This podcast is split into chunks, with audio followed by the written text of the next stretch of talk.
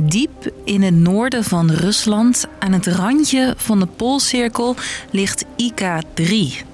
Een strafkamp dat bekend staat om martelingen. Hier zat de grootste tegenstander van Poetin, Alexei Navalny, opgesloten.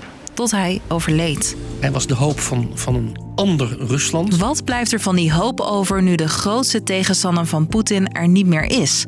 Ik ben Frederik en ik duik voor je in het verhaal van Navalny. Lang verhaal podcast van NOS op 3 en 3FM. Oké, om te weten hoe Navalny terecht kwam in een van de zwaarste strafkampen van Rusland, gaan we vijf jaar terug. De oppositieleider is bezig met een verkiezingscampagne en reist daarvoor door Rusland. Onderweg in het vliegtuig wordt hij uit het niets ziek. Hij schiet het uit van de pijn. Later wordt ontdekt, Navalny is vergiftigd, waarschijnlijk in opdracht van de Russische president Poetin.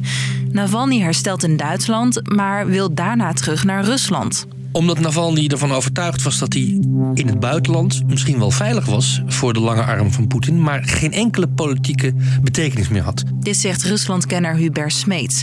Die keuze komt hem duur te staan. Zodra het vliegtuig landt, wordt hij opgepakt. Na een aantal rechtszaken, onder meer voor het oprichten van een extremistische groep, krijgt Navalny in totaal 30 jaar celstraf en wordt hij naar strafkamp IK2 gestuurd. Vanaf het moment dat hij bij zijn terugkeer gearresteerd werd en gevangen gezet werd en naar isoleercellen werd gestuurd, werd hij onderworpen aan datgene wat het Europees Verdrag voor de Mensenrechten noemt marteling, foltering. De omstandigheden in het kamp zijn slecht. Navalny wordt ziek en valt veel af. En dan wordt hij vermorseld. Zegt Dirk Sauer, hoofdredacteur van de Moscow Times. Eind vorig jaar werd bekend dat Navalny was overgeplaatst naar een van de beruchtste strafkolonies van Rusland, IK-3. En ondanks dat hij tijdens zijn laatste rechtszaak nog lachend te zien was op video's, overlijdt Navalny.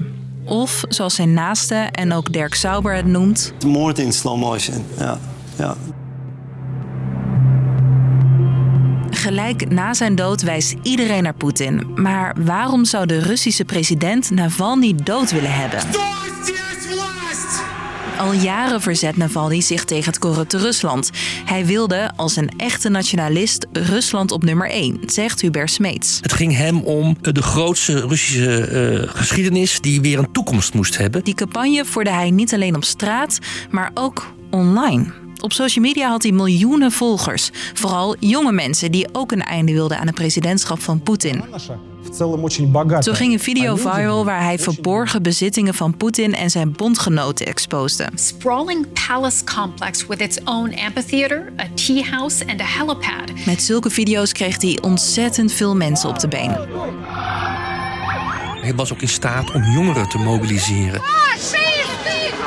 omdat hij in de manier waarop hij mobiliseerde niet uh, een verheven taal sprak, maar eigenlijk een beetje een volkse taal. Zijn voornaamste doel was dus weg met Poetin en een beter Rusland. Die nationalistische positie van Navalny appelleerde aan wat heel veel mensen voelen in Rusland. Waarom al die grootspraak over Oekraïne en over uh, kernwapens en over nieuwe raketten. Terwijl we in eigen land uh, vaak nog geen watercloset hebben in de gemiddelde uh, woning op het platteland. Have a dream about this future for Russia, but without Navalny it would be another Russia. Veel Russen geloofden in die droom van Navalny. He was a glimpse of hope for for the whole generation, I believe. Maar van die droom is weinig meer over, ziet correspondent Geert Groot-Koerkamp. Nou ja, een echte een functionerende oppositie in de zin van politieke partijen die, die deelnemen aan het politieke proces, die, die is er gewoon niet meer. Sinds het overlijden van Navalny gaan sommige gewone Russen de straat op. Maar alleen al bij het leggen van bloemen worden mensen opgepakt. Zijn er nogal mensen die Poetin durven tegen te spreken? Die zijn er altijd. De vraag is of het er genoeg zijn en of ze ook in staat zijn om zich te verenigen. Als Navalny begraven mag worden in Moskou, kan het een nieuw protest aanwakkeren, denkt Smeets. Dat zou het begin kunnen zijn, niet van een beweging. Eh, zo optimistisch moeten we niet zijn, maar wel het begin kunnen zijn van een sprankje hoop. Een klein kaarsje. En dat hoopt ook Dirk Sauer. Nou ja, dat was natuurlijk en is nog steeds het meest krachtige aan Navalny. De hoop, de moed, doorgaan. dit dwingt om door te gaan.